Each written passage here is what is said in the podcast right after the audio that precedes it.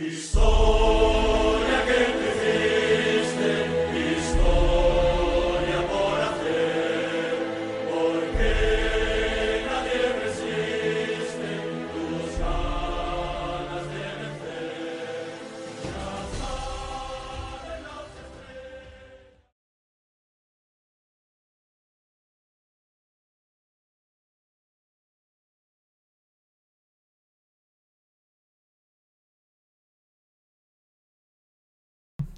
Hola Madridistas, buenos dias og endnu en gang hjertelig velkommen til Madridbold, den danske Real Madrid podcast. Jeg sidder tilbage igen her bag mikrofonen, og øh, som vanligt, så har jeg selvfølgelig altid en øh, gæst med mig, og han har været med før hen også. Øh, Nikolaj Lisberg, velkommen til. Tak skal du have. Jeg skylder selvfølgelig lytterne at øh, lige præsentere dig lidt yderligere, så øh, vi kender din stemme fra diverse podcast. Øh, jeg ved også, du har været med på nogle øh, indslag og nogle øh, reportager øh, på TV2 også i forhold til, øh, til den spanske liga og diverse kampe. Men øh, kan du ikke øh, bare lige ganske kort øh, introducere dig, hvis der er nogen, der øh, lige øh, ikke har fanget, hvem du er? jo, jeg skal i hvert fald godt forsøge. Jamen, som du siger, så, så gør jeg mig blandt andet hos uh, Mediano i, i podcastformat. Uh, podcastformat har været lidt på, på TV2, skriver også lidt for blandt andet øh, uh, Tipsbladet og arbejder også for, for UEFA. Uh, jeg bor i Spanien og har boet i Spanien i ja, det er næsten øh, 10 år på øh, datoen her, hvor vi, øh, vi optager. Øhm, det har været i, i Barcelona i en, en lang årrække, med de seneste år har det så været på den lille ø, der hedder Menorca, som ligger ved siden af, af Mallorca. Og ja, det er øh, mit arbejde hernede, er som, som freelance journalist, og det, øhm, det handler om at beskæftige sig med, med fodbold. Øh, måske mest Barcelona, men så sandelig også øh, Real Madrid, den kommer man heller ikke udenom. Jamen, øh, vi er selvfølgelig mange, der beundrer dit arbejde og misunder det også. Øh, og så øh, udover det, så gør du det selvfølgelig udmærket. Så øh, det skal du have ros for. Tak.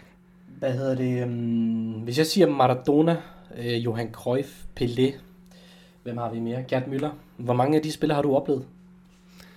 Altså oplevet som i, at jeg har set dem i en, i en, i en kamp direkte i tv, der er det kun øh, Diego Maradona. Og det var i, i slutningen af hans karriere. Jeg er født i, i 1986, kan jeg jo, kan jeg jo så afsløre, så Øh, så det var jo lige det år, hvor han var allerbedst, eller måske allermest ikonisk selvfølgelig med, med VM i øh, triumfen til, til Argentina. Så jeg kan huske VM i 94, jeg kan huske, at jeg havde fået fortalt af min far eksempelvis, at jeg, at jeg skulle sidde og se den her kamp mellem Argentina og Grækenland i 1994, fordi at Diego Maradona øh, spillede. Det var, det var noget særligt, øh, og jeg kan huske, at jeg så kampen, han scorede et mål, og så havde han sådan en meget ikonisk jubelscene, hvor han sådan mm, løber ud til kameraet og så sådan tager fat i kameraet og skriger sin glæde ud. Øh, men det blev, en, det blev en kort slutrunde for, for Diego, øh, grundet lidt øh, problemer med, med, nogle, øh, med noget doping. Øh, så det var ligesom hans svanesang, jeg oplevede. Og ellers, de der store navne vil jeg jo rigtig gerne opleve, især en, en, en Johan Cruyff, øh, Pelé selvfølgelig også, du siger, og Müller, en, en Beckenbauer også. Altså nogle af de der ikoniske fodboldspillere, som man kan godt gå på YouTube og se klip i dag, og man kan læse masser af artikler, men at have siddet og set en kamp og set deres bevægelser i den samtid, hvor de spillede, det vil jeg, det vil jeg rigtig gerne have, have oplevet. Men omvendt, så sidder der måske også nogen her om, om 30 år og laver en lignende udsendelse og siger, kan du huske øh, Cristiano Ronaldo, kan du huske Lionel Messi, så lad os bare være glade for, at vi trods alt også har fået en, en rigtig masse gode øh, spillere at se i, i, øh, i vores øh, leveår. Ja, og nu vil den øh, kloge lytter selvfølgelig sidde og tænke over, jamen, øh, hvorfor, øh, hvorfor spørger han ind til dem? De har jo sådan set ikke noget med Real Madrid at gøre som sådan. Men øh, det er faktisk øh, nogle af de spillere, som øh, den her idé, jeg selv gik rundt med i et stykke tid, og øh, den udspringer af. Øh, det her det bliver en special podcast omkring øh, de 11 bedste Real Madrid-spillere, som vi aldrig nåede at opleve. Og vi har hver især forberedt os øh, og lavet hver vores øh, startelver. Og øh, vi kører den bare slavisk fra målmand og så deroppe af. Øhm, og hvad var det, du sagde? Du var fra 86? Fra 86, eller? ja. 86, øhm, ja. Det skal blive spændende at se, om vi har ramt, øh, ramt nogle af de samme spillere på forskellige positioner. Øhm, og jeg kan selvfølgelig lige uh, introducere om, at øh, ja, kriterierne de er jo simple. Øh, 11 spillere, øh, de spiller selvfølgelig deres mm, sådan positioner, normale positioner. Øhm, og så må vi selvfølgelig ikke have oplevet dem. Øhm, og øh, ja, jamen øh, lad, os, øh, lad os komme i gang, Nikolaj. Øhm, vil du starte, eller skal jeg? Jeg kan godt begynde. Jeg kan lige starte med at sige til, til lytterne, at jeg har valgt en, en 3-3-4 øh, formation. Og dem, der synes, det er offensivt, jamen, der kan jeg jo sige, at Real Madrid i 50'erne og 60'erne måske, hvor de var allerbedst, eller i hvert fald vandt flest europæiske turneringer, de spillede faktisk en, en 3-2-5 formation. Så jeg, så jeg tænker, vi er lige inden for, for kridtstregerne. Men der er ingen tvivl om, at, at da jeg sådan begyndte at dykke ned i det her, jamen så var der jo selvfølgelig flest mm, ikoniske, store, historiske spillere, øh, som havde deres udgangspunkt lidt længere fremme øh, på banen. Og det var jo også, i de år, handlede det jo meget om, at man skulle have den bedste offensiv. Altså der var, var det jo virkelig sådan ud fra filosofien, at angreb er det bedste forsvar. Øh, men lad os da begynde fra, fra en ende af og, og nede bag i, i målet. Øh, ja, jeg var som sådan ikke i tvivl. Øh, det her er godt nok en spiller, som også har gjort det godt for Espanyol og Barcelona, men Ricardo Zamora øh, er mit valg. Og et eller andet sted kan man jo sige det meget kort. Altså når man får prisen som ligaens bedste målmand, eller i hvert fald den målmand, der, der lukker flest mål, eller færrest mål, undskyld, ind på, på sæsonen, opkaldt efter sig, jamen så er det jo fordi, at man var en ekstraordinær øh, målmand. Og det er, jo en, det er jo en spiller, jeg ikke har oplevet, og vi er tilbage i, øh, i 30'erne, øh, og 20'erne og 30'erne. Øhm, så, så, så det er meget, meget svært at finde klip af, hvad han var for en målmand. Men alt, hvad man har læst om ham, øh, der var han ligesom måske en af dem, der var med til at, at revolutionere målmandsspillet i en, i en tidlig alder, øh, og også blev kaldt den, den vigtigste spiller i Spanien i løbet af, af 30'erne. Øh, så øh, Zamora er mit valg på, på, det, på det punkt, og det er jo ud fra en tanke om, at jeg ikke at man har hørt så meget om ham, at han har den her prisopkald efter sig, men jeg har jo ikke nogen idé om som sådan, hvordan han var som, øh, som målmand. Jamen, øh, du tager jo nærmest ordene fremme, fordi jeg har valgt den samme målmand. Øh, jeg var sådan lidt den at kigge på, jamen, øh, hvem har egentlig stået på mål for Real Madrid, fordi den eneste, der sådan skiller sig ud for i min øh, erindring, det er jo Iker Casillas, men øh, det tæller jo selvfølgelig ikke. Øhm, så jeg har jo selvfølgelig også valgt øh, Ricardo Zamora. Øhm, og hvis jeg skal komme med nogle yderligere bemærkninger omkring ham, jamen, øh, det skal lige siges, at jeg har valgt en øh, 4-3-3 opstilling, og øh, de fleste af de informationer, jeg har hentet, det er jo fra Real Madrids egen hjemmeside. Øhm, men der var en, noget med, at han var kendt for at spille med en kasket. Jeg ved ikke, om du havde læst det nogen steder.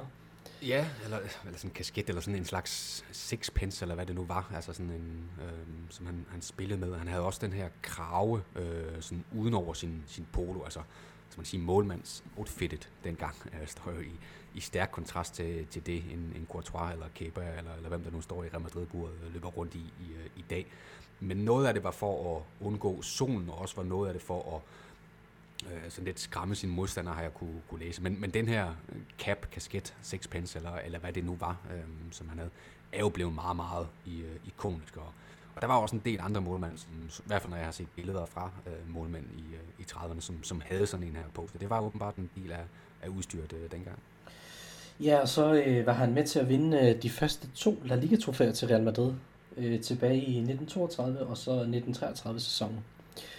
Øhm, og så hans far, han var læge, øh, men han ønskede ikke at gå i samme fodspor som sin far, så han fulgte egentlig ikke hans råd.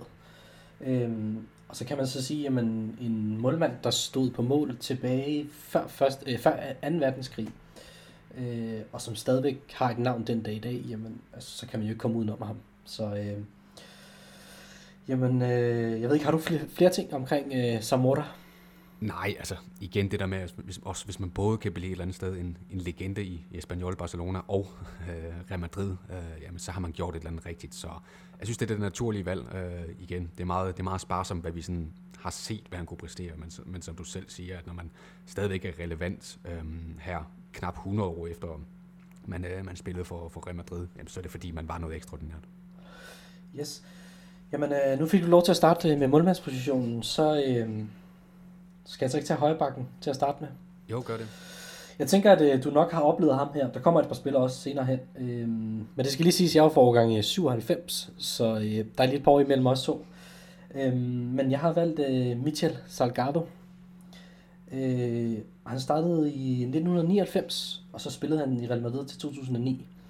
Men jeg blev måske først virkelig fodboldbevidst omkring år 2004 fem stykker, og så begyndte jeg at se Real Madrid i ja, 8-9 og deroppe af øh, til den dag i dag. Så jeg har faktisk ikke oplevet Michel Salgado, jeg kan ikke huske ham på nogen som helst måde. Øhm, men på Real Madrids egen hjemmeside, der står han beskrevet som øh, en triumf af hårdt arbejde. Og øh, han spillede 10 sæsoner, og det nåede han øh, 371 kampe, ifølge realmadrid.com. Og øh, det blev til fire spanske mesterskaber og to Champions League titler, og så en UEFA Super Cup. Øhm, jeg ved ikke, hvem har du valgt? Det var mit valg i hvert fald. Ja, øh, jeg har jo set øh, Salgado, så hvis jeg bare lige skal hurtigt skal, skal blive ved ham, altså, så, så, så kan jeg jo ikke genkende til det, som, som du læser op der. Altså, det var en, det var jo ikke en Galacticos i, i den periode, hvor, hvor der var store stjerner, men det var jo heller ikke sådan, øhm, der var jo meget den her øh, kendte frase, men Pavones i sidanes, altså sådan, at man skulle have øh, de store, store, store spillere som Zidane, og så de egenproducerede spillere som Francisco Pavon.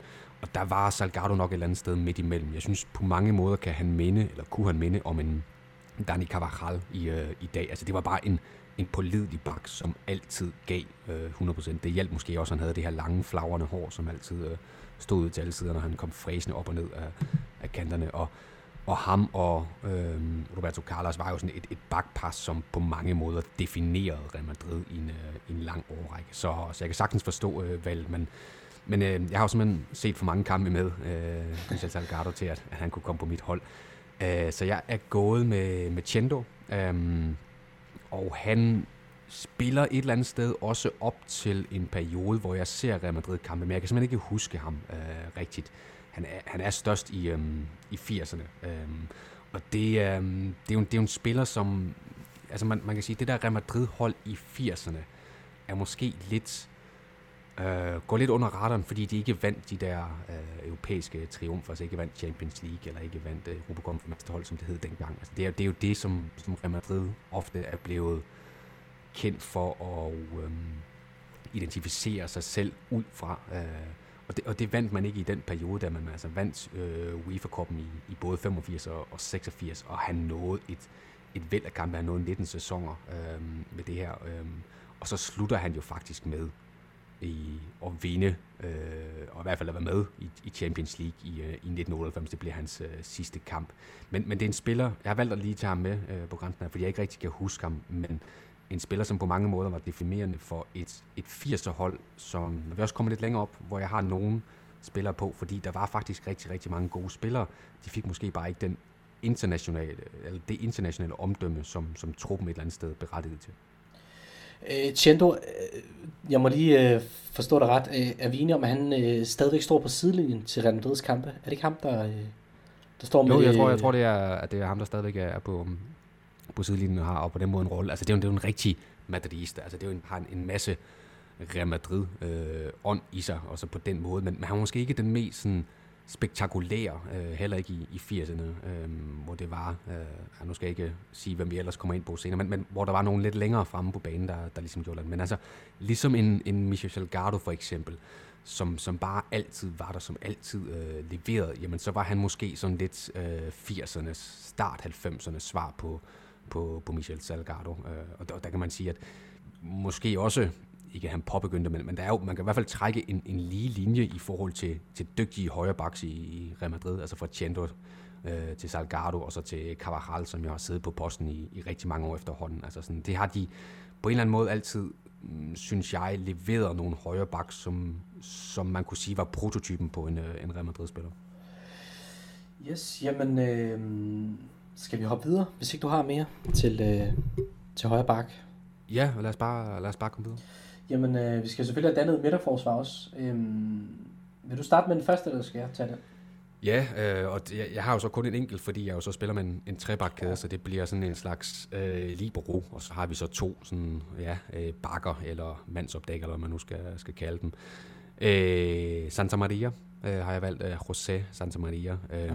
Altså en, en mand, som var en vigtig, vigtig del af det her hold fra, og det bliver vi ved med at vende tilbage til, øh, 50'erne øh, især, altså hvor man vinder fem øh, europæiske øh, titler, og man, hvor man bliver det her ikoniske hold, og hvor Real Madrid lig, ligesom ligger kimen til at stadigvæk at være verdens øh, største klub i, øh, i dag.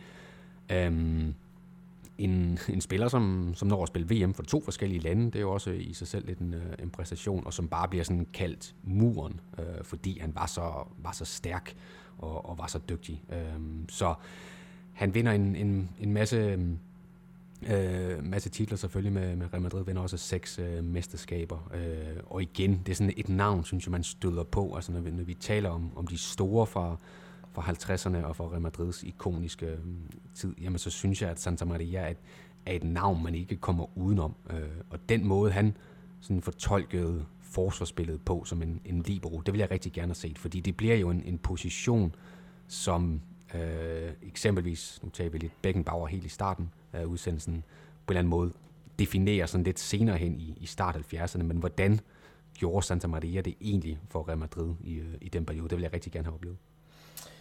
Jamen, øh, jeg har to midterforsvar og en øh, bak tilbage, og Santa Maria ham har jeg jo heller ikke oplevet, så, øh, så jeg kan jo kun øh, beundre det, du fortæller mig omkring ham. Øh, hvis jeg skal tage mine to midterforsvar, den ene, der har jeg valgt øh, en spiller, som jeg er sikker på, du har oplevet, øh, den gode Fernando Hierro. Øh, hvis man skal sammenligne ham lidt, så kan man egentlig sige, at han er sådan lidt den der Sergio Ramos, øh, før Sergio Ramos selv kommer til klubben. Øh, han når at spille øh, lige over 600 kampe for klubben, og han øh, scorer næsten 130 mål. Øh, han startede egentlig som midtbane, men øh, så røg han op i, øh, eller røg ned i midterforsvaret. Og der nåede han så at blive i klubben i 14 år. Og han havde sådan en tradition med at vinde øh, Champions League sådan lidt hver andet år, fordi han vinder den faktisk i 98, og så vinder han i 2000. Og så når han lige at vinde den i 2002 også, inden han så øh, ja, smutter fra Real Madrid i 2003. Øhm, hvad skal vi sige mere om Han, øh, han når faktisk at blive spansk landstræner, hvis ikke jeg husker det forkert. Øh, ja, øh, det var min ene midterforsvar. Øh, hvis jeg skal tage den anden, så har jeg valgt øh, Manuel Sanchez, som jeg ikke har oplevet. Øh, og jeg mener faktisk, at de her tre, to midterforsvar og de to backs, jeg så også har valgt, de faktisk øh, når at spille sammen alle fire, så der er den her røde tråd i, øh, i mit forsvar også. Øh, Øh, men tilbage til Manuel Sanchez, så, øh, så skilte han sig ud for at være rolig, og øh, hans positionering var god, og så var han øh, en smidig fodboldspiller. Øh, og så havde spillede hans far også i øh, Real Madrid. Øh, og så som 12-årig, så blev han en del af ja, Real Madrid Akademiet dengang. Øh, og så nåede han selvfølgelig at vinde øh, en hel masse titler. Han nåede at vinde 8 eller ligatitler, øh, som det mest bemærkelsesværdige. Øh, og så selvfølgelig hans øh, over 700 kampe for klubben. Øh, så et, et godt øh, og erfaren midterforsvar, som jeg har sat op i hvert fald. Øh, hvis vi skal tage min bak, sidste bak, så øh, er det en spiller, som jeg sikkert ved, du sikkert kan fortælle mig meget mere om. Men øh, jeg har faktisk ikke oplevet Roberto Carlos. Øh, og jeg er lidt ked af det faktisk. Men øh, han var venstrefodet, og han var afgørende for Real Madrid. Han vandt mere end 10 titler. Øh, og så havde han en enorm øh, kraft i den venstre fod. Øh, man siger, at der var en af hans skud, der nåede en hastighed på 140. Og normalt så bliver de her brasilianere, de bliver jo sådan lidt øh, talt ned, fordi at øh, de altid har sådan lidt en, hvad skal man sige, en lidt uprofessionel øh, træningstilgang til tingene, men øh, Roberto Carlos han kunne faktisk løbe en 100 meter på øh, 10,9 øh, 100 del. Og det må man sige, det er jo pænt hurtigt i forhold til at verdensrekorden er 9,58 mener den er. Øh, og så på Real Madrids hjemmeside, der bliver han beskrevet som øh, Lord Master of the Wing. Øh, så det var i hvert fald mine øh, to backs og to midterforsvar. Jeg ved ikke, om du har nogle kommentar til nogle af dem? Jo, skal vi lige tage, du, du starter med Jero. Øhm, en, en, en fantastisk spiller. Øh, en, en meget, meget rolig spiller. Altså sådan, sådan, som var meget, meget definerende i øh, Real Madrid. Uh, og uh, som du siger, jo, han var netop, han nåede netop at blive uh, landstræner lige uh, en kort uh, slutrunde, da man jo fyrede uh, Lopetegi, inden han så blev Real Madrid-træner. Um, men, men, men det var jo netop den her, det var de her mange mål, synes jeg, der stod ud for, for, øhm, for Jero, også på det spanske landshold. Altså sådan, det var i, i nogle måske lidt blødere år, fordi det var Real Madrid måske i 90'erne, indtil han, du siger sig selv, at han får lov til at slutte af med de her øh, tre titler, og når ligesom også at blive en, en del af det begyndte Galacticos øh, projekt. Men han var der bare som en, en del øh, en konstant øh, Real Madrid i, i de her år. Øh, Sanchez, øh, øh, en, en meget, meget respekteret personlighed i Real Madrid, selvfølgelig fordi han var der i så mange sæsoner, vandt så mange øh, titler. Når jeg ikke havde ham med, øh, udover at jeg så også har oplevet ham, så, så var det fordi, at jeg synes, han måske også, altså han var der, øh, uden at forklare ham på nogen måde, hvis man sådan kan sammenligne ham lidt med en, en Nacho for eksempel. Altså han var der bare altid i holdets øh, tjeneste. En, en virkelig rigtig solid og, og konstant spiller.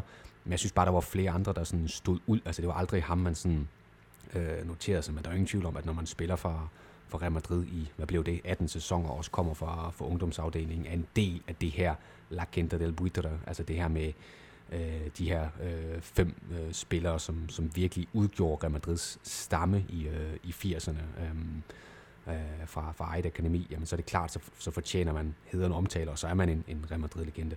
Og så til sidst til, til Roberto Carlos, øh, som du er inde på, en, en fantastisk fodboldspiller, øh, og som havde de her enorme øh, lårbasser, som havde to formål. Det ene var jo selvfølgelig, at øh, han kunne sparke hårdere end, end en hest stort set. Øh, øh, scorer et fantastisk mål for Real Madrid, mener jeg, mod Tenerife fra sådan hjørneflagdag næsten, altså sådan noget, hvor han får en, en bold i dybden.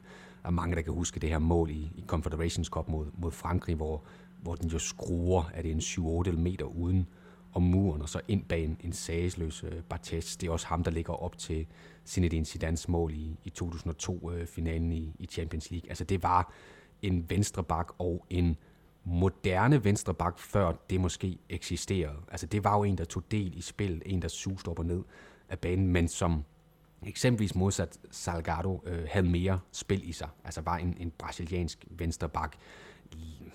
Selvfølgelig er det, er det oplagt at sammenligne med med Marcelo rundt øh, nationaliteten. Ja. Øh, Marcelo er, bedre på bolden, eller var bedre på bolden, end, end Roberto Carlos var, havde ikke samme hurtighed, men, men det, var jo, det var jo, man kunne godt se den, den linje, der ligesom var skabt med Roberto Carlos, og han kom jo til, øh, inden det her Galacticos-projekt for alvor øh, tog fart, men han blev jo, til trods for at han allerede var derinde, blev han jo sådan en del af det her Galacticos. Altså han var jo på niveau med Figo, med Zidane, med, med Beckham, med Ronaldo og, og hvad de nu ellers hed. Altså han var lige så meget en, en Galacticos, som, som alle de andre var. Så det er jo måske, det er svært at vurdere, om, om det er ham eller det er Marcelo, øh, som er den største venstreback i, i uh, Real Madrids historie. Men det, men det står jo nok et eller andet sted mellem de to, fordi de var så definerende. Men øh, jeg, har jo, jeg har jo oplevet dem begge to, så, så jeg kunne ligesom ikke rigtig vælge dem til, til mit hold. Så hvis jeg skal vælge en, en venstre bak, øh, som i øvrigt også har det til fælles med Jævler. Han har også været øh, spansk landstræner. Han var bare ikke særlig god til at være landstræner. Han var ikke særlig god til at være træner for, for Real Madrid. Men som fodboldspiller,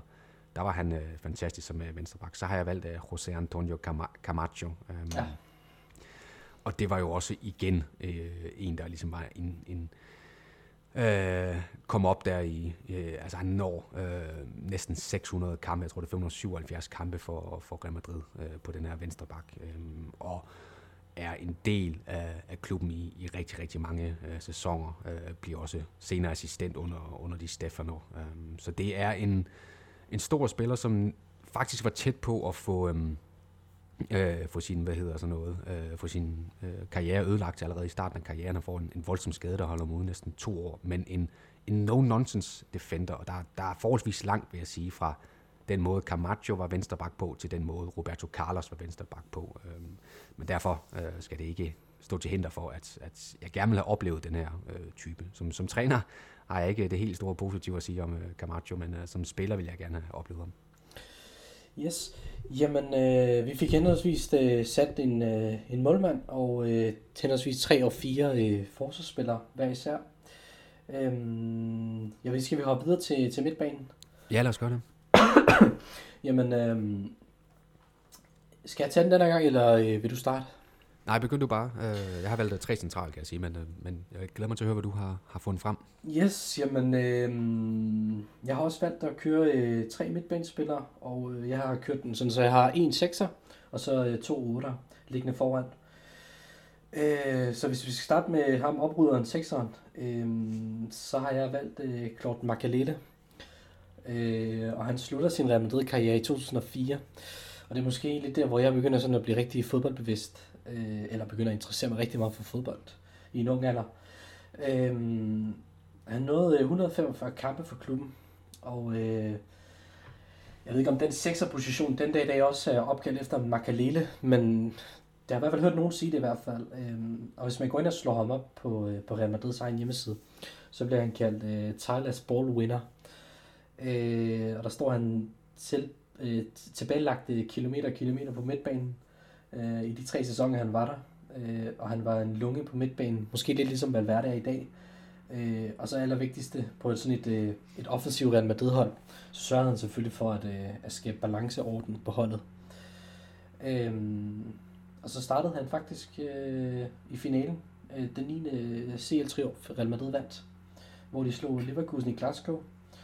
Og så havde han bare sådan en enorm øh, dygtig sans for at placere sig og vinde boldene og lave alle de der øh, tilbageløb. øh, man kan egentlig måske beskrive ham lidt som en, en N'Golo Kante. Nu har jeg selvfølgelig ikke oplevet ham. Øh, jeg har oplevet Kante, men nogle af de ting, der, der blev beskrevet, det, det kunne faktisk meget godt minde om øh, Kante. Øhm, men han spillede fra år 2000 og så 2004. Øh, og så øh, min, øh, i forhold til den, øh, de ting, jeg har hørt om ham, jamen, så var man faktisk lidt ked af at skille sig af med ham. Øh, fordi de efterfølgende år, der havde man måske ikke helt samme type på midtbanen. Øh, ja, jeg ved ikke, om du kan fortælle mere om ham måske. Jo, øhm, altså du startede med at sige, at, nu har du valgt din, din seks, og det, og det er jo ligesom det, vi kender positionen for i, i dag, men som du også var inde på, altså, så var det jo Makalele-rollen. Altså det var jo ikke kun i Real Madrid, man talte om, at man skulle udfylde Makalele-rollen senere hen. Altså det blev jo sådan et, et internationalt begreb næsten, altså at sige, hvem er det, der skal spille Makalele-rollen, fordi at der blev meget, meget, eller kom meget, meget fokus på, på sekseren og den defensive midtbane i, i den periode. Og det, at Real Madrid i de år øh, med så mange store stjerner, altså på et tidspunkt med Ronaldo, Raul, Figo, øh, Zidane, øh, altså sådan kunne få det til at fungere og kunne klemme så mange offensive spillere ind, jamen det kunne de jo også kun med succes, så længe man havde en, en oprydder. Øh, så det er rigtigt, at han havde lunger, som eksempelvis Valverde, men som jeg husker ham, så var han jo næsten aldrig over midterlinjen, fordi han ligesom skulle stå for hele det her restforsvar. Vi har også været inde på, at både Roberto Carlos og Michel Salgado gerne vil frem over de to baks, så det var ligesom nødvendigt, at man havde en, en oprydder, der, der var god i taklingerne, men først og alt var god i positioneringen, var god i presspillet, så de her mange offensive, øh, mere stjernedryssede spillere, de kunne, de kunne shine, og det kunne de, fordi man havde Claude Makalene. Øh, så til trods for, at han kun nåede at spille et, et, et par sæsoner i, i Real Madrid, jamen så blev han jo en enorm øh, stor figur, og måske endda næsten større, efter han forlod Real Madrid, fordi der stod det jo klart, hvad det var, man manglede. Det var jo et eller andet sted, det man forsøgte, og måske håbede, man havde købt, da man fik Thomas Graversen ind. Altså det var jo sådan lidt som en, en form for Claude Makalele afløser, og nu kunne du komme en ind, som var lidt aggressiv og god i, i presset. Øh, der har man så måske ikke gjort sit øh, hjemmearbejde godt nok, fordi selvom Thomas Graversen for især det danske landshold var, var rigtig, rigtig dygtig, jamen så var han ikke nogen Klopp Makalele, og det er der ikke særlig mange øhm, personer, der har været. En Golo Kanté, som du er inde på, er måske den, der er kommet tættest på øh, siden. Så en, en kæmpe spiller, øh, og jeg kan sagtens forstå, at du har ham med på, på det her hold. Jamen, øh, hvem har du valgt på din øh, midtbane? Jamen, jeg har valgt, øh, ja, måske lidt, øh, øh, hvad skal man sige, en lidt samme øh, type. Øh, en, der sådan ligesom skulle tage over på et tidspunkt, øh, hvor alle de her store stjerner fra 50'erne, de var på, på vej væk. Øh, Ignacio Soko øhm, øh, når 438 øh, kampe, øh, kommer også på det, på det spanske landshold, er med til at vinde EM i 1964 med, øh, med Spanien. Øh, ikke den, den sådan højeste, den, den men altså en, en stærk, en solid øh, spiller, og øh, han var måske mere også lidt det der boks til, til boks, øh, men, men grund til, at jeg har valgt ham, var jo nok fordi, jeg synes, at, at de der transitionsår, altså fra at man havde gået til at være det absolut bedste hold i Europa i, 50'erne, slut 50'erne, øh, man får også et, en Champions League eller en Europacup for mesterhold til i 60'erne, men, men der mister man sådan lidt momentum. Der synes jeg, at han er en, øh, når jeg sådan har, har læst øh, og talt med journalister, der kan huske fra den tid, jamen så, så er det hans navn, jeg sådan har stødt på i forhold til, at her var en spiller, som var med til at øh, hvad skal man sige, levere overgangen fra det succesfulde, og så til det, der sådan skulle blive bygget op til igen og blive en, et slagkraftigt øh, hold. Så han er, han er en af mine øh, tre midtbanespillere. Jeg ved ikke, om, om du har noget til ham, eller jeg skal prøve at, at nævne en, en anden en her. Mm, well, jeg kommer måske lidt til kort her, fordi at, øh, jeg tror faktisk aldrig, jeg har hørt om ham, og jeg har jo selvfølgelig heller ikke oplevet ham. Øhm, så øh, nej, jeg tænker bare, at vi, vi kører videre øhm, med din øh, nummer to på midten.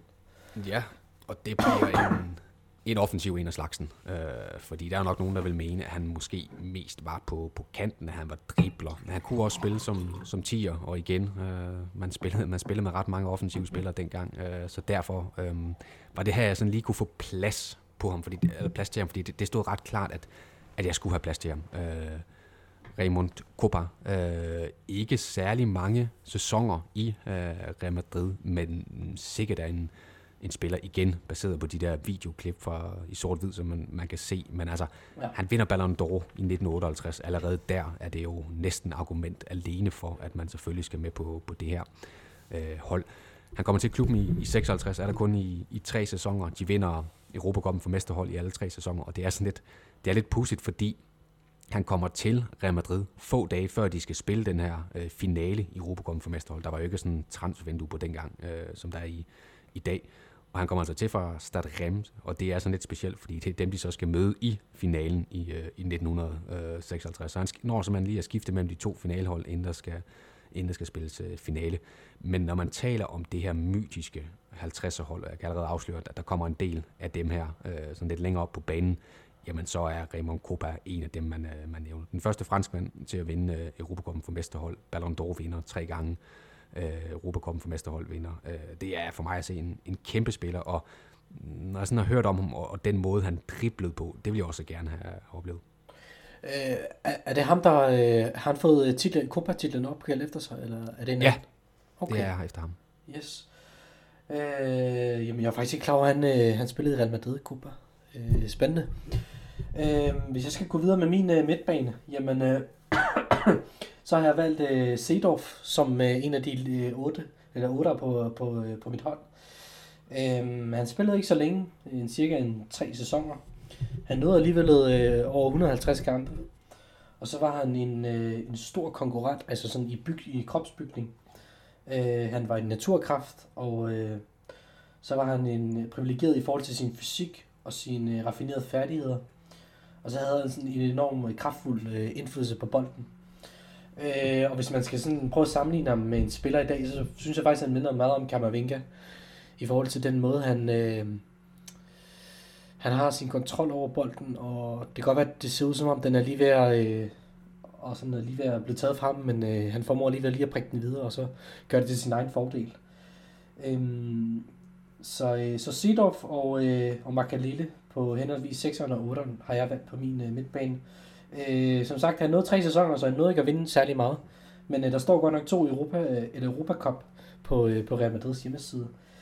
Øh, så, øh, så ja, jeg har valgt øh, Sedorf. Ja, jeg, jeg, jeg ved, et godt valg. Altså sådan, det var, han blev også den første, der vandt med, han vinder også, altså han vandt med Ajax også, øh, Europa, øh, Champions League og vinder med, med Real Madrid og vinder selvfølgelig også med, med Milan. Øh, en spiller, som, som jeg primært husker for, for Milan-tiden. Altså fordi der var han definerende for det her hold. Det var så med, med Pirlo og Gattuso især, øh, hvor de havde en, en, en midtbanetrio, som man måske kunne sammenligne lidt med Casemiro, Kroos og, Modric senere i forhold til, måske ikke i forhold til spillestil, men i forhold til, hvor betydningsfuldt det var for det, der så var Milans øh, storhedstid der i, i, øh, i starten kan man sige. Øh, altså en, som du siger, jeg synes egentlig, sammenlignet med, med Kammervinga er meget godt set. Altså det, er, det var en spiller, der kunne spille fra, fra felt til felt. Øhm, havde fysik også, men, men var bare ekstremt dygtig på bolden, meget, meget velovervejet i sine øhm, beslutninger. Det var ikke fordi, det sådan var videre spektakulært. Altså der var det jo nok måske især i Milan for eksempel i tiden, øh, Pirlo, man, man kiggede på, når man skulle, skulle finde det spektakulære. Men han, han leverede de rette beslutninger, og det var en en spiller, som var et fysisk pragteksemplar. Altså jeg tror også, han spiller op til han er øh, 40 år eller sådan noget. Altså det er, han står virkelig øh, skarpt. Så vidt jeg husker, når han jo at blive træner i er det Deportivo La, Coruña, tror jeg, øh, som han så er med til at, at rykke ned. Så det er måske heller ikke alle de der øh, Real Madrid-spillere, der har haft den bedste trænerkarriere senere. Men altså, den spillerkarriere, som Sedorf kan der ikke sætte sin finger på. Altså der er han en af, af det der årtusindes øh, største midtbanespiller, som jeg ser det. Når, øh, når han har Ancelotti som træner i Milan, eller er det senere? Han har, jeg er ret sikker på, at han har Ancelotti som, som træner i Milan også, at de vinder øh, Champions League øh, sammen. Der er det der legendariske billede, øh, Milan, øh, jeg tror det er Milans bænk med Ancelotti og Kaká og Ronaldinho og hvem mere der sidder på det. Det er et legendarisk bænk, men øh, jeg er nok sikker på, at han var med på det hold også. Så. Jamen, øh, skal vi hoppe videre til, til din nummer tre og sidste? Ja, og der, der går jeg jo nok ind på en spiller, som jeg har mere beundring for, end at han... Han er nok ikke på manges øh, Real Madrids fans eller historikers hold over de bedste øh, spillere i Real Madrids historie. Men jeg synes alligevel godt, at han kan retfærdiggøre en, en plads på det her hold, øh, og det jeg skal nok komme ind på, hvorfor. Øh, jeg har valgt Günther Netzer. Øh, de fleste vil jo nok kende ham som, som Gladbach-spiller, den der så fodbold i, i 70'erne, og en, en vigtig del af det Gladbach-hold, som var i, i flere europæiske finaler, som også udfordrede Bayern München med netop øh, Beckenbauer og, og Gerd Müller og vandt mesterskaber øh, og to mesterskaber fra, fra dem. Øhm, en fantastisk øh, fodboldspiller, øhm, en dirigent uden lige, og sådan en person, man lytter til. Og der er sådan en fabelagtig historie om øh, den sidste kamp, han spiller i, øh, hvad hedder det, i Gladbach, øh, eller for Gladbach, inden han så skifter til Real Madrid. Jamen det er pokalfinalen mod 1. FC Køln, der sidder han på bænken, så kommer kampen i forlænget spilletid, og det er egentlig ikke meningen, at han skal på banen. Så begynder han bare at tage, tage træningstøjet af, og så går han hen til træneren, der er Hennes Weisweiler, som er en af de absolut største trænerlegender i, i Tyskland nogensinde. Så siger han, nu går jeg ind på banen, så må du selv om, hvem du tager ud. Og så tænker "Nå, okay, jamen, så må jeg nok hellere gøre det. Så tager han en spiller ud. Øhm, Netza går ind på banen, og på sin anden boldberøring, der scorer han det afgørende mål, og så vinder Gladbach-pokalen. Ja. Øhm, han bliver hentet til Real Madrid i 1973, og han bliver sådan et, et modsvar på, at Barcelona henter Johan Cruyff. Øh, hvis man sådan husker, så kan man jo også huske, at, at øh, hvad hedder det, Real Madrid ville også meget gerne have fat i, i Johan Cruyff, fordi han var ligesom det helt store øh, superstjerne på, på det her tidspunkt for det her øh, magiske Ajax-hold. Men Barcelona fik Johan Cruyff, og så fik man i Real Madrid Günther Netzer. Og han blev aldrig den samme store øh, stjerne, men han når alligevel at vinde et par, par titler, og så skaber han jo den her tyske forbindelse, som der har været siden. Øh, der kommer også en, en Paul Breitner kommer til, øh, Bernd Schuster, så kender vi selvfølgelig i dag med, med Rüdiger, men, men i særdeleshed også med, med Toni Kroos. Altså der har været et par store tyske spillere øh, siden. Og han var lidt ligesom Grøf, den her elegante spiller, det her lange, øh, modelagtige look øh, med lange hår og sådan noget. Øh, men ikke, ikke helt så kontroversiel. Og det var ikke fordi, at tiden i, i Real Madrid var sådan videre succesfuld. Han var nok lige i slutningen af sin karriere, men det er en, en spiller, som jeg rigtig gerne havde, havde set, og, og som trods alt også har sin berettelse på et øh, Real Madrid-hold. Yes, jamen, øh, jeg tænker, jeg, øh, jeg også lige snupper min øh, sidste øh, midtbanespiller. Øh, ham her, ham, øh, ham tror jeg næsten alle i Danmark kender. Nu har der ikke været så mange danskere i Real Madrid historie, men jeg har alligevel tænkt, at jeg skulle have en enkelt med. Øh, så jeg har selvfølgelig valgt at tage Michael Laudrup. Øh, og hvis man øh, tager ham på hans meritter, i, i, i hvert fald i Real Madrid-kontekst, så er det jo ikke noget at prale af som sådan. Øh, han når egentlig kun at spille i Real Madrid i to sæsoner. Øh, han vinder et La Liga-trofæ, ifølge Real Madrid selv øh, og scorer 15 nummer mål, men samtidig så står han også beskrevet som et, øh, et vidundertalent og en af de bedste spillere i europæisk fodboldshistorie. Øh, ja, så var hans udsyn på banen, det var perfekt. Øh, han var sindssygt dygtig til at spille i, i øh, små rum, og øh, så skilte han sig ud for at, øh, at levere nogle af de her øh, perfekte slutbolde, som de skriver, øh, mens han kiggede den anden vej, altså kig væk finden. Jeg tror også, han har en anden finte opkaldt til sig selv. Øh, som sagt, øh, elegant på bolden, og, øh, og det gjorde ham ustoppelig. Øh, så når han jo selvfølgelig også at spille i, øh, i Barcelona også. Øh, jeg mener da også at det her klassiske med, at øh, han spiller en kamp for det ene hold, og så vinder de 5-0, og så, så skifter han de hold, og så vinder de 5-0 også. Øh, så man må sige, at han har haft sin indflydelse. Øh, men som sagt, jeg har jo ikke øh, oplevet Michael Laudrup. Øh, men hvis man skal lave en reference til den midtbane, jeg har i dag, øh, den midtbane, vi har i dag i Real Madrid, øh, så kunne Magalile være Casemiro. Øh, Sedorf var nok Kammervinga, og så Michael Laudrup, det må være Luka Modric. Øh, men ja, jeg ved, jeg er sikker på, at du kan fortælle meget mere om Michael Laudrup. Jamen altså, Michael Laudrup er jo, altså, ja, ja, hvis ikke den største, i hvert fald en af de, de to største i, i dansk fodbold øh, nogensinde. Um, og det kan godt være, at det var selvfølgelig tiden i Barcelona, der var, der var allerstørst. Det var der, han var, var bedst. Det er der, han er mest ikonisk, og det man også husker ham for øh, hernede. Men det var jo en, en gentleman, en caballero, som de, de siger. Det er jo det eneste gang. Altså sådan, I dag, altså jeg, bare for at sige, hvor stor han er. Øh, jeg, jeg tror, det er en, et par måneder siden, var jeg ude og spille en, en, en paddlekamp hernede med nogen, jeg ikke har spillet for. Så sådan, og så vender man, så vendte jeg sådan rundt på et eller andet tidspunkt, og skulle, og sådan, øh, efter den har ramt øh, væggen, og så fik den tilbage igen. Og så er der en, der kon, kon, siger, uden at kende min nationalitet, så siger han, Kjell Laudrup. Altså sådan, hvor var det Laudrupsk-agtigt. Altså sådan, de ja. der elegante bevægelser. Nu er det ikke, fordi jeg skal sidde og rose mine bevægelser på en paddlebane. Men, men det siger alligevel noget om, at, at den generation i dag, de husker stadigvæk øh, Laudrup. Fordi det var en kæmpe spiller. Og det skifte, han laver fra FC Barcelona til, til Real Madrid, øh, efter han er gået rav lidt uklar med, med Cruyff, jamen det er, jo, det er jo det samme et eller andet sted, som, som Luis Figo øh, laver senere. Jeg kan huske, at, at da jeg var helt ung, igen, jeg er fra 86, så jeg, jeg har jo set de der kampe der øh, søndag aften på dansk tv med, med FC Barcelona og siden med, med Real Madrid. Altså det første spillersæt, jeg havde, det var jo et, øh, et Barcelona-trøje med, med Laud, og det var så nummer 9 på, øh, på trøjen. Og da han så kom til Real Madrid, jamen så, så fulgte jeg jo ligesom med, altså ligesom de unge i dag gør med, med Real Madrid eller Messi, der, der fulgte jeg jo med Laudrup, og så skulle jeg have et øh, Real Madrid-sæt, øh, og så sad jeg ellers og så det første El Clasico, kan jeg huske, sådan en, en første halvleg i Barcelonas øh, spiltrøje, og så anden halvleg i, i Real Madrids spiltrøje. Og det var jo netop det der med, at, at de vinder 5-0 Barcelona i, i den sidste kamp, hvor Laudrup er med, uh, og, og, vinder, og så er det så Real Madrid, der vinder 5-0 i den, i den første kamp, hvor Laudrup efter han har skiftet, og så sidder han derinde, lyder historien i hvert fald, og siger til sig selv, nå, så vandt jeg 10-0. Um, og, og der er jo en historie også om, jeg har skrevet en fantastisk øh, bog af den engelske journalist øh, Sid Lowe, øh, som hedder Fear and, Lo- Fear and Loathing in La Liga, øh, som jeg tror, den hedder Had og Kærlighed på dansk, um, som handler om El Clasico, hvor han også har talt med Michael Laudrup, og der er sådan en historie, hvor øh, han er ude at spise på et tidspunkt i, i Real Madrid, og, og der, eller i Madrid, og det er der lige efter, han har sådan offentliggjort, at han skal til, der er i hvert fald rygter om, at han skal til, til japansk fodbold og Vissel Kobe, og så bliver han lige kaldt over af den, den spanske konge, som også sidder inde på den her restaurant, så skal han, skal, han skal lige høre, om det er rigtigt. Øh, så siger Laudrup, ja, det er, den er god nok, og siger den spanske konge, jamen det er jeg glad for, fordi så er der kun én konge tilbage i, i Spanien.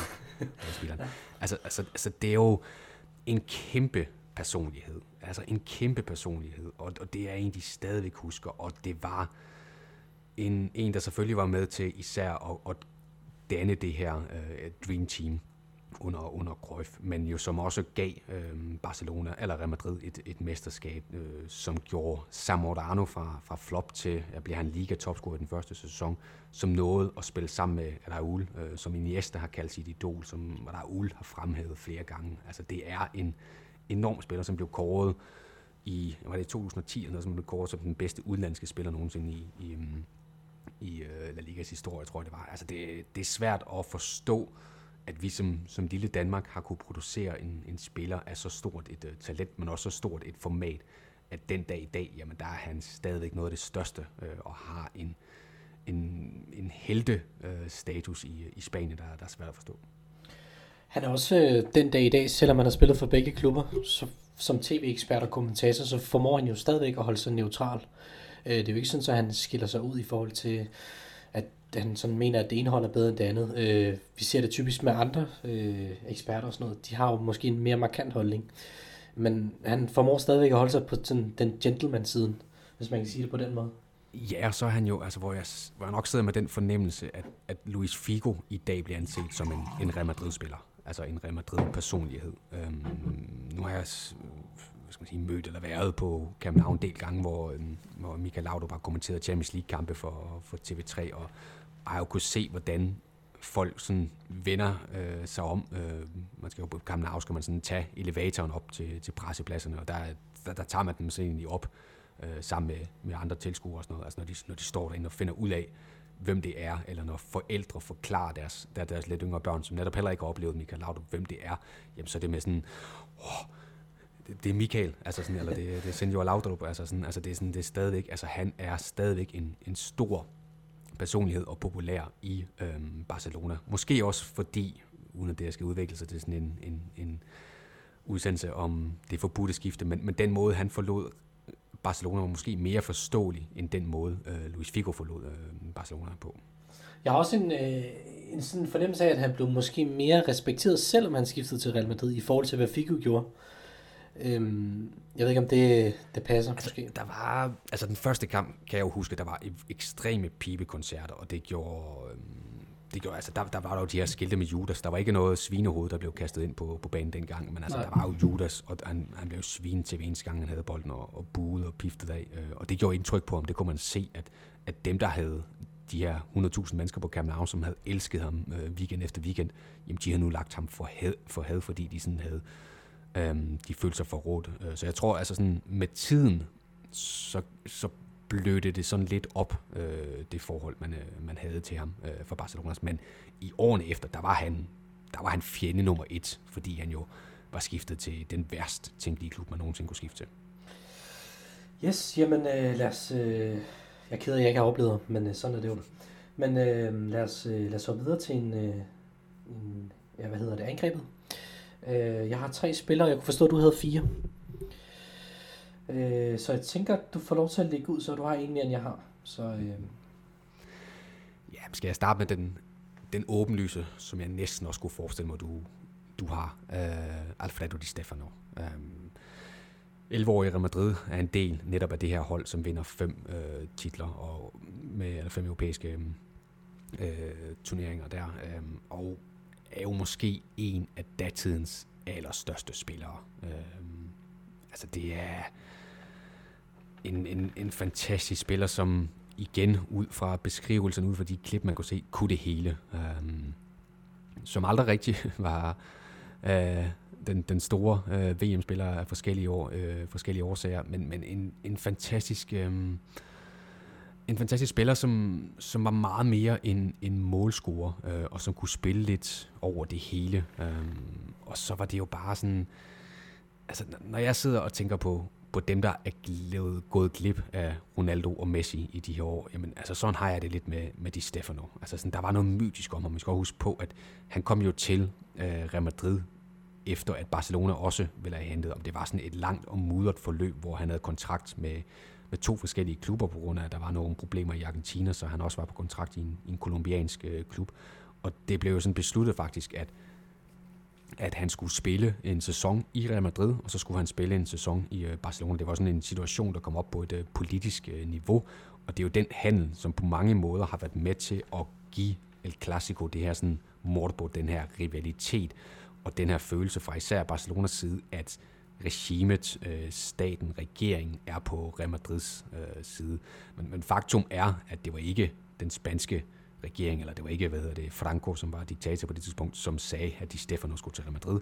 Aftalen var fordi, at man havde forhandlet kontrakter på plads med hver den klub, øh, hver den klub som, som de Stefano var på kontrakt under, jamen så var aftalen et eller andet sted, at, man, at han skulle spille en sæson i, øh, for først Real Madrid, og for først, øh, dernæst FC Barcelona. Og det blev så afvist øh, af Barcelona, så det, det gad man ikke, så, så tag i ham bare. Og det, det gjorde Real Madrid, de tog ham i 11 år, og de lave, som jeg sagde tidligere, de lagde kimen til det, der gør, at de stadigvæk i dag er den største klub i, øhm, i verden, er de den mest øh, savnomspundne klub. Altså de Stefano, det er lige før jeg siger, at han er den største spiller nogensinde i Real Madrids historie, og det er jo, det er jo svært at sammenligne sådan på, på tværs af, af tidsperioder, fordi der er også en, en Cristiano Ronaldo, som har sat nogle vanvittige rekorder, der er så mange andre spillere, der, der, kan, der kan komme op på det her. Men det han betød for klubben, og den måde han var med til at føre Real Madrid ind i sådan moderne tidsalder allerede dengang i 50'erne, det, det synes jeg ikke, at vi har set fra andre spillere i, i Real Madrids historie. Jamen øh, selvfølgelig, men jeg kan jo ikke komme udenom, at jeg også har øh, Alfredo Di Stefano, når man har fået øh, opkaldt et helt træningsanlæg efter sig. Øh, når man har været med til at grundlægge Real Madrids historie, øh, i hvert fald sportsligt. Øh, og når man har været en angriber, øh, der også forsvarede og gjorde alt godt. Øh, han var både en leder ude, og, ude på banen, øh, og på banen også. Øh, og så med ham, der nåede Real Madrid måske sin mest gloværdige ære. Øh, og så var han ærespræsident i Real Madrid, indtil han døde i øh, 2014, den 7. juli. Øh, han når at vinde en to Ballon d'Ors, og så får han faktisk også en Super Ballon d'Or også. Øh, hvad mere der siger om ham? Jamen altså, han, han er jo et ikon, altså stadigvæk den dag i dag. Alle, der, øh, der følger Real Madrid, de vil selvfølgelig vide, hvem Di Stefano er. Øh, 400 kampe. Øh, han, ja, altså, altså, for mig, der, jeg ved ikke, om han er den største spiller i Real Madrids historie, men han står i hvert fald som nummer to. Jeg har en mere med, som måske er lidt større, men øh, ja. Øh, han er i hvert fald en nummer to, hvis man skulle lave sådan en top øh, all-time liste. Øh, men ja, han er i hvert fald med i mit angreb. Øh, og så har jeg selvfølgelig to andre, men øh, du kan selvfølgelig lige få den næste også.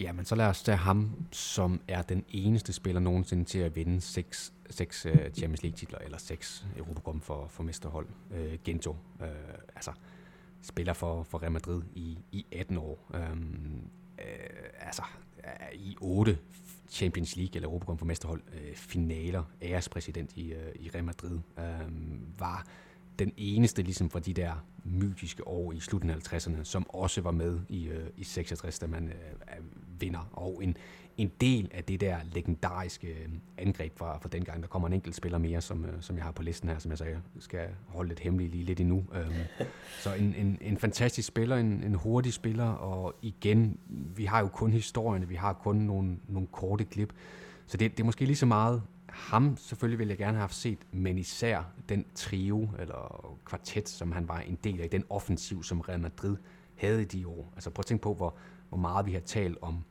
om MSN i, øh, i Barcelona, om hvorvidt det var en af de største øh, tridentes eller trioer i, i, Spanien eller i, øh, europæ, i fodbold nogensinde. Og de havde alligevel en forholdsvis kort periode sammen. Altså Gento, Di Stefano, og så ham vi kommer til lidt, øh, lidt senere, de havde rigtig, rigtig mange år, og de vandt rigtig, rigtig mange titler dem vil jeg gerne have oplevet sammen.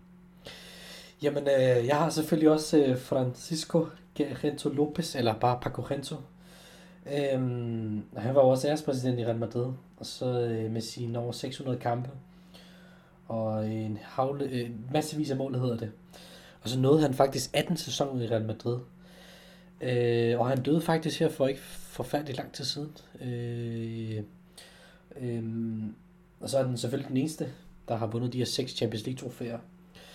Og så synes jeg, at man skal øh, undre sig selv og gå ind på YouTube og se nogle af hans klip. Fordi øh, den mand, han kan løbe hurtigt med en bold. Øh, fordi når først han var, øh, han var stukket afsted, så var der altså ikke nogen, der kunne fange ham efterfølgende. Øh, ja, han når også at vinde 12 La Liga øh, titler. Nu ved jeg ikke, hvor mange Messi han har, men øh, 12 La Liga titler, det er jo også øh, i sig selv rigtig godt. Øh, ja, hvad er der mere at sige om ham? Øh, altså, man skylder bare sig selv at gå ind og se det på YouTube og se ham spille i de der helt klassiske gamle sort-hvid film. Øh, ja, for jeg var måske ikke den mest talentfulde, som du er inde på. Altså, det var hurtigheden, og så kunne han sparke, altså sådan, og så var det måske nogle af dem omkring ham, der sådan stod for det mere kreative, som var, som var lækre at se på. Men altså, den måde, som han kunne, som man siger, som han kunne løbe på, og den måde, han så passede ind i Real Madrids offensiv, det er også det, der gør ham ikonisk, for uden de her seks øh, Champions League titler. Må vi se, der er vel stadigvæk nogle Real Madrid-spillere, der, der kan nå at komme op på det, hvis de skulle, øh, skulle komme helt til tops i, i den her sæson. Og så øh, en lille sjov bemærkning, så øh, han, jeg mener, han starter med at spille fodbold som 15-årig. Øh, og det kan jo måske lyde sådan lidt, jamen hvad er der specielt ved det, men altså, jeg tror, hvis folk den dag i dag starter med at spille fodbold som 15-årig og når i en 18. sæson i Real Madrid, så er det sandt godt gået. Øh, så det er selvfølgelig, jeg tror faktisk også, at han startede med at være øh, atletikudøver. Øh, men så begyndte han så senere hen at starte med at spille fodbold, og øh, så nåede han så en vanvittig karriere efterfølgende. Så øh, ja, Paco Rento, ham, øh, han skulle i hvert fald med på mit hold. Så nu har jeg i hvert fald to i angrebet. Jeg ved ikke, om øh, du vil tage den næste også. Ja, jamen så lad mig tage en mere, som, som er fra, øh, fra den periode. Også øh, Ferdinand Puskas. Um, Ungar bliver så også nationaliseret og spiller på, på det spanske øh, landshold. Men altså, det er jo også, jeg er næsten op på de Stefano-niveau, øh, når vi taler Puskas, fordi det er også en spiller, hvor man sådan tænker, alle de historier, man har hørt, og det er måske for Real Madrid, men i særdeleshed også for det her øh, fantastiske, legendariske ungarske landshold, som, øh, som var så tæt på at, at vinde VM i, i 54, og måske også skulle have vundet mod, mod tyskerne, taber i finalen 3-2, efter man var foran og havde vundet i gruppe øh, fasen med, med 8-3. Altså sådan, det, var, det var verdens absolut bedste landshold på, på det her tidspunkt, men man lykkedes så ikke med at, at vinde. Til gengæld vandt han så en masse med, øh, med Real Madrid, øh, og, og det igen er det sådan lidt en, en spiller, hvor man tænker, det lyder som om han var sådan et unikum. Altså sådan, dengang var der måske også større forskel på de absolut bedste, og så de, de næstbedste, fordi at man var ikke trænet så godt, som, som man er i dag. Altså sådan, de, der var bare nogen, som var født med et ekstraordinært øh, talent, og, og det fornemmer jeg, at, øh, at Buskas var. Altså en, en fantastisk, ja selvfølgelig angriber, hvad står der, 262 kampe og 242 mål, det, det er forholdsvis øh, pænt snit, vil jeg sige. Ja. Øhm, men altså, igen, øhm, det var en, en spiller, som jeg vil også gerne have oplevet det der ungarske landshold i, i 50'erne, lad mig, lad mig sige det sådan. Og når man så også gerne vil opleve Real Madrids hold i, i midt-50'erne, og de havde det til fælles, at øh, Puskas spillede på dem, på dem begge to, så siger det også lidt. Og når man så i dag har en pris, nu har vi været inde på det med priser med, med Samora eksempelvis, og Copa og sådan noget, øh, altså når man har en, en pris øh, hos FIFA, for det bedste mål i løbet af et år, som bare hedder Puskas-prisen, så siger det også lidt om, hvad det var for en, spiller, man var. Ja, øh, det skal jo ikke være nogen hemmelighed. Jeg har selvfølgelig også har valgt ham på mit hold. Øh, de her tre spillere her, den kunne jeg simpelthen ikke komme udenom. Så øh, ja, Ferdinand Puskas han er på mit hold, og øh, så de skal knytte nogle korte ord til ham, så mener jeg faktisk, at han er sådan en type spiller, der næsten kunne score i alle de fodboldkampe, han deltog i. Øh, det synes jeg i hvert fald, at statistikker siger. Øh, og så blev han kaldt for Pancho. Jeg ved ikke, om du kender det spanske ord, eller om det er spansk, eller hvad det betyder måske. Pancho? Øh, ja. Nej, ikke lige den her øh, sammenhæng, tror jeg. Nej, han, han blev i hvert fald beskrevet, eller han gik under kælenavnet Pancho på Real Madrids hjemmeside. Øhm, og så selvfølgelig så var han en af de, øh, de største øh, ja, angriber i Real Madrids historie. Øh, han endte med at døde i øh, 2006, og øh, han når at få de her tre europæiske øh, titler på sit CV og fem der Liga. Øh, og så har han selvfølgelig også øh, det her ikoniske stadion i Ungarn opkaldt efter sig. Øh, og så var han selvfølgelig en, øh, hvad skriver det her, en gentleman, og så var han charmerende og vældig, og han havde en, øh, en strålende præstation på en fodboldbane. Øh, så det var i hvert fald mine tre. Øh, og den her trio, den kan man jo øh, kun misunde, at man ikke har oplevet selvfølgelig. Jeg tror også, der findes et, et legendarisk billede et eller andet sted ude på nettet, øh, med de tre spillere, der går øh, ved siden af hinanden. Øh, så øh, ja, jeg vil råde folk, der i hvert fald ikke... Øh, jeg vidste ikke før lang tid, at Fader Puskas han faktisk har spillet Real Madrid. Øh, jeg kendte kun navnet på, øh, på det her ikoniske fodboldstadion i Ungarn. Men øh, jeg kom faktisk frem til, at han så spillede Real Madrid, og han var en øh, dygtig målscorer. Så, øh, jeg ved ikke, hvem er din sidste så?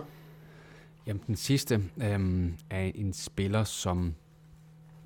Det kan godt være, at jeg har oplevet ham, men det var i absolut karrierens efterår. Jeg har i hvert fald slet ikke oplevet ham. Jeg kan ikke rigtig huske ham i hvert fald, og heller ikke oplevet ham, på, da han var på, på sit allerhøjeste niveau. Øhm, Emilio Butragueño, øhm, en, en angriber, som det måske kan få, få nogle danske fodboldfans øh, født lidt før, før jeg til at løbe koldt ned i ryggen, fordi det var jo ham, der sådan, øh, takkede ja til Jesper Olsens øh, tilbagelægning i, i VM i 86, og, og derudover maltrakterede øh, øh, Danmark i den her 8. finale, hvor Spanien ender med at vinde øh, 5-1. Øh, han blev kaldt Krippen, og det var han jo så i, i den kamp, fordi han tog for sig af, af retterne. Men han var jo netop øh, det her med El Quinto de Butre, øh, en, en del af det her 80'er-hold, som jeg har været lidt inde på i, i Real Madrid. Altså sådan, hvor der var øh, et, et stort hold, man vandt uefa Cup'en to gange. Man fik en masse spanske mesterskaber, man var virkelig øh, dominerende, men man fik ikke det her øh, Champions League eller Europa for mesterhold trofæ, og derfor blev hold måske, eller ser man ikke på det, synes jeg, i i en moderne kontekst øhm, med den storhed, det egentlig fortjener. Fordi det var et af de bedste øh, Real Madrid-hold, og det var mange af de her egenproducerede øh, talenter, øh, som, som skabte det. Det var jo også Sanchez øh, har været lidt, øh, lidt inde på allerede. Øh, så det var et, et hold, som var, var rigtig, rigtig godt, vandt en masse titler, og over dem alle, der stålede øh, Butragueño. Og, og ham har man jo også set i et væld af funktioner i øh, Real Madrid øh, senere hen. Så det var en, en, en målscorer, øh, ikke med samme imponerende tal som eksempelvis en, en Cristiano Ronaldo eller nogle af dem, vi har været inde på tidligere, men bare stadigvæk en, en rigtig, rigtig øh, stor spiller. Og den måde, han sådan er blevet omtalt på, og måske også lidt på grund af den her øh, kamp mod Danmark i VM i 86, jamen så var det en, det var en spiller, jeg rigtig gerne ville have set, og jeg vil gerne have set det der øh, 80 land, eller 80 landshold, 80 hold fra, fra Real Madrid. Øh, og på det hold, der synes jeg ikke, øh, der var nogen bedre end, end øh, hvad hedder det, en Butragueño, Quinta del Butre. Øh, det var, det var Butragueños hold. Jeg har ikke, øh, heller ikke oplevet ham. Jeg ved, han, øh, han har sådan en eller anden form for øh, rolle i Real Madrid i dag. Øh, han ses også til diverse UEFA-lodtrækninger, mener det er, han øh, står repræsenteret for Real Madrid. Øh, og det her hold, du snakker om, det er jo heller ikke noget, jeg har oplevet. Men øh, rygterne siger i hvert fald, at det skulle være et, et fremragende hold. Øh, og et ikonisk hold også. Øhm, ganske kort, Nikolaj, en træner, hvis vi skal putte en træner. Jeg ved godt, du ikke har nogen, men så lige, øh, ja, en Real Madrid-træner, du ikke har oplevet. Jeg har i hvert fald øh, Miguel øh, Munoz, tror jeg, han udtales. Øh, han når at være træner i 15 år i Real Madrid. Øh, 14 år, mener jeg. Øh, og når at vinde de her 9 La Liga-trofæer. Øh, og man kan sige, hvad er der specielt ved det? Jamen altså, der er ikke mange trænere, der bliver i trænersædet i 14 år, heller ikke i Real Madrid. Øh, nu til dags i hvert fald. Så det vil i hvert fald, hvis jeg skulle pege på en træner også. Ja, jamen, det er godt spørgsmål. Det skal jo være en træner, jeg heller ikke har oplevet. Øhm, så kan man jo sådan begynde at kigge tilbage, jamen, hvem var øh, træner der i, i 50'erne eksempelvis, da de vinder alle de her titler. Men, men der var der jo en stor øh, udskiftning. Um, altså sådan, så, så så jeg ved faktisk ikke, sådan, hvem jeg sådan lige skal, skal pege på. Så måske i, i mangel af bedre, øhm, så tror jeg, jeg går med en Alfredo Di Stefano. Øh, det var måske ikke, han var måske bedre som, øh, som spiller, men øh, han, kan få, han kunne få lov at være spillende træner på, på det her hold. Han var træner i, i et par sæsoner i, i 80'erne, øh, hvor de jo trods alt havde også en, um, et, øh, et rigtig fint hold, men altså, det, er jo ikke, det er jo ikke en træner, som har den store øh, trænerkarriere på det her tidspunkt, kommer så også til at få nogle kampe i, i start 90'erne. Så det er ikke nogen stor træner i øh, Real Madrid, men jeg, jeg synes egentlig et eller andet sted måske, at, at der er mange af de her træner også, som de så får senere, og, og et eller andet sted frem til, de får Del Bosque i 90'erne, som sådan glider lidt under radaren øh, i forhold til, hvor mange store spillere Real Madrid har produceret og har haft i sine folder, så synes jeg nogle gange, det har været lidt tyndt på, på trænerpositionen. Øh, ja, jamen øh, hvis ikke at øh, det går så godt, så kan han jo altid skifte sig selv ind i Stefano. Så, øh, så yes. Jamen øh, Nikolaj, øh, jeg ved ikke om du har mere på, øh, Nej, på hjertet? Der var, jo, der var jo nogle spillere, man vælger fra jo. Um, og det er jo, så kan man sige, altså en, da jeg, da jeg lavede det hold, skulle i gang med at lave det hold, så tænkte jeg, okay, en, en spiller som Santiago Bernabeu, han må da næsten skulle med. Men det var jo nok mere som, som præsident, ja. at han også ligesom gjorde sig fortjent til at få stadion øh, opkaldt efter sig. Øh, så han var en, en dygtig angriber, så vidt jeg kunne læse mig til. Vi, vi er langt tilbage her, øh, men, men mere en hederne omtale kan det nok ikke blive til. Øh, en angriber, jeg gerne ville have oplevet, sådan rigtig Hugo Sanchez. Øh, det er ja. ikke, fordi han var så lang tid i. Men altså, der er jo den her fantastiske historie om, at han scorer, det er sin første sæson frem, han scorer 38 mål. Alle 38 mål er på første berøring.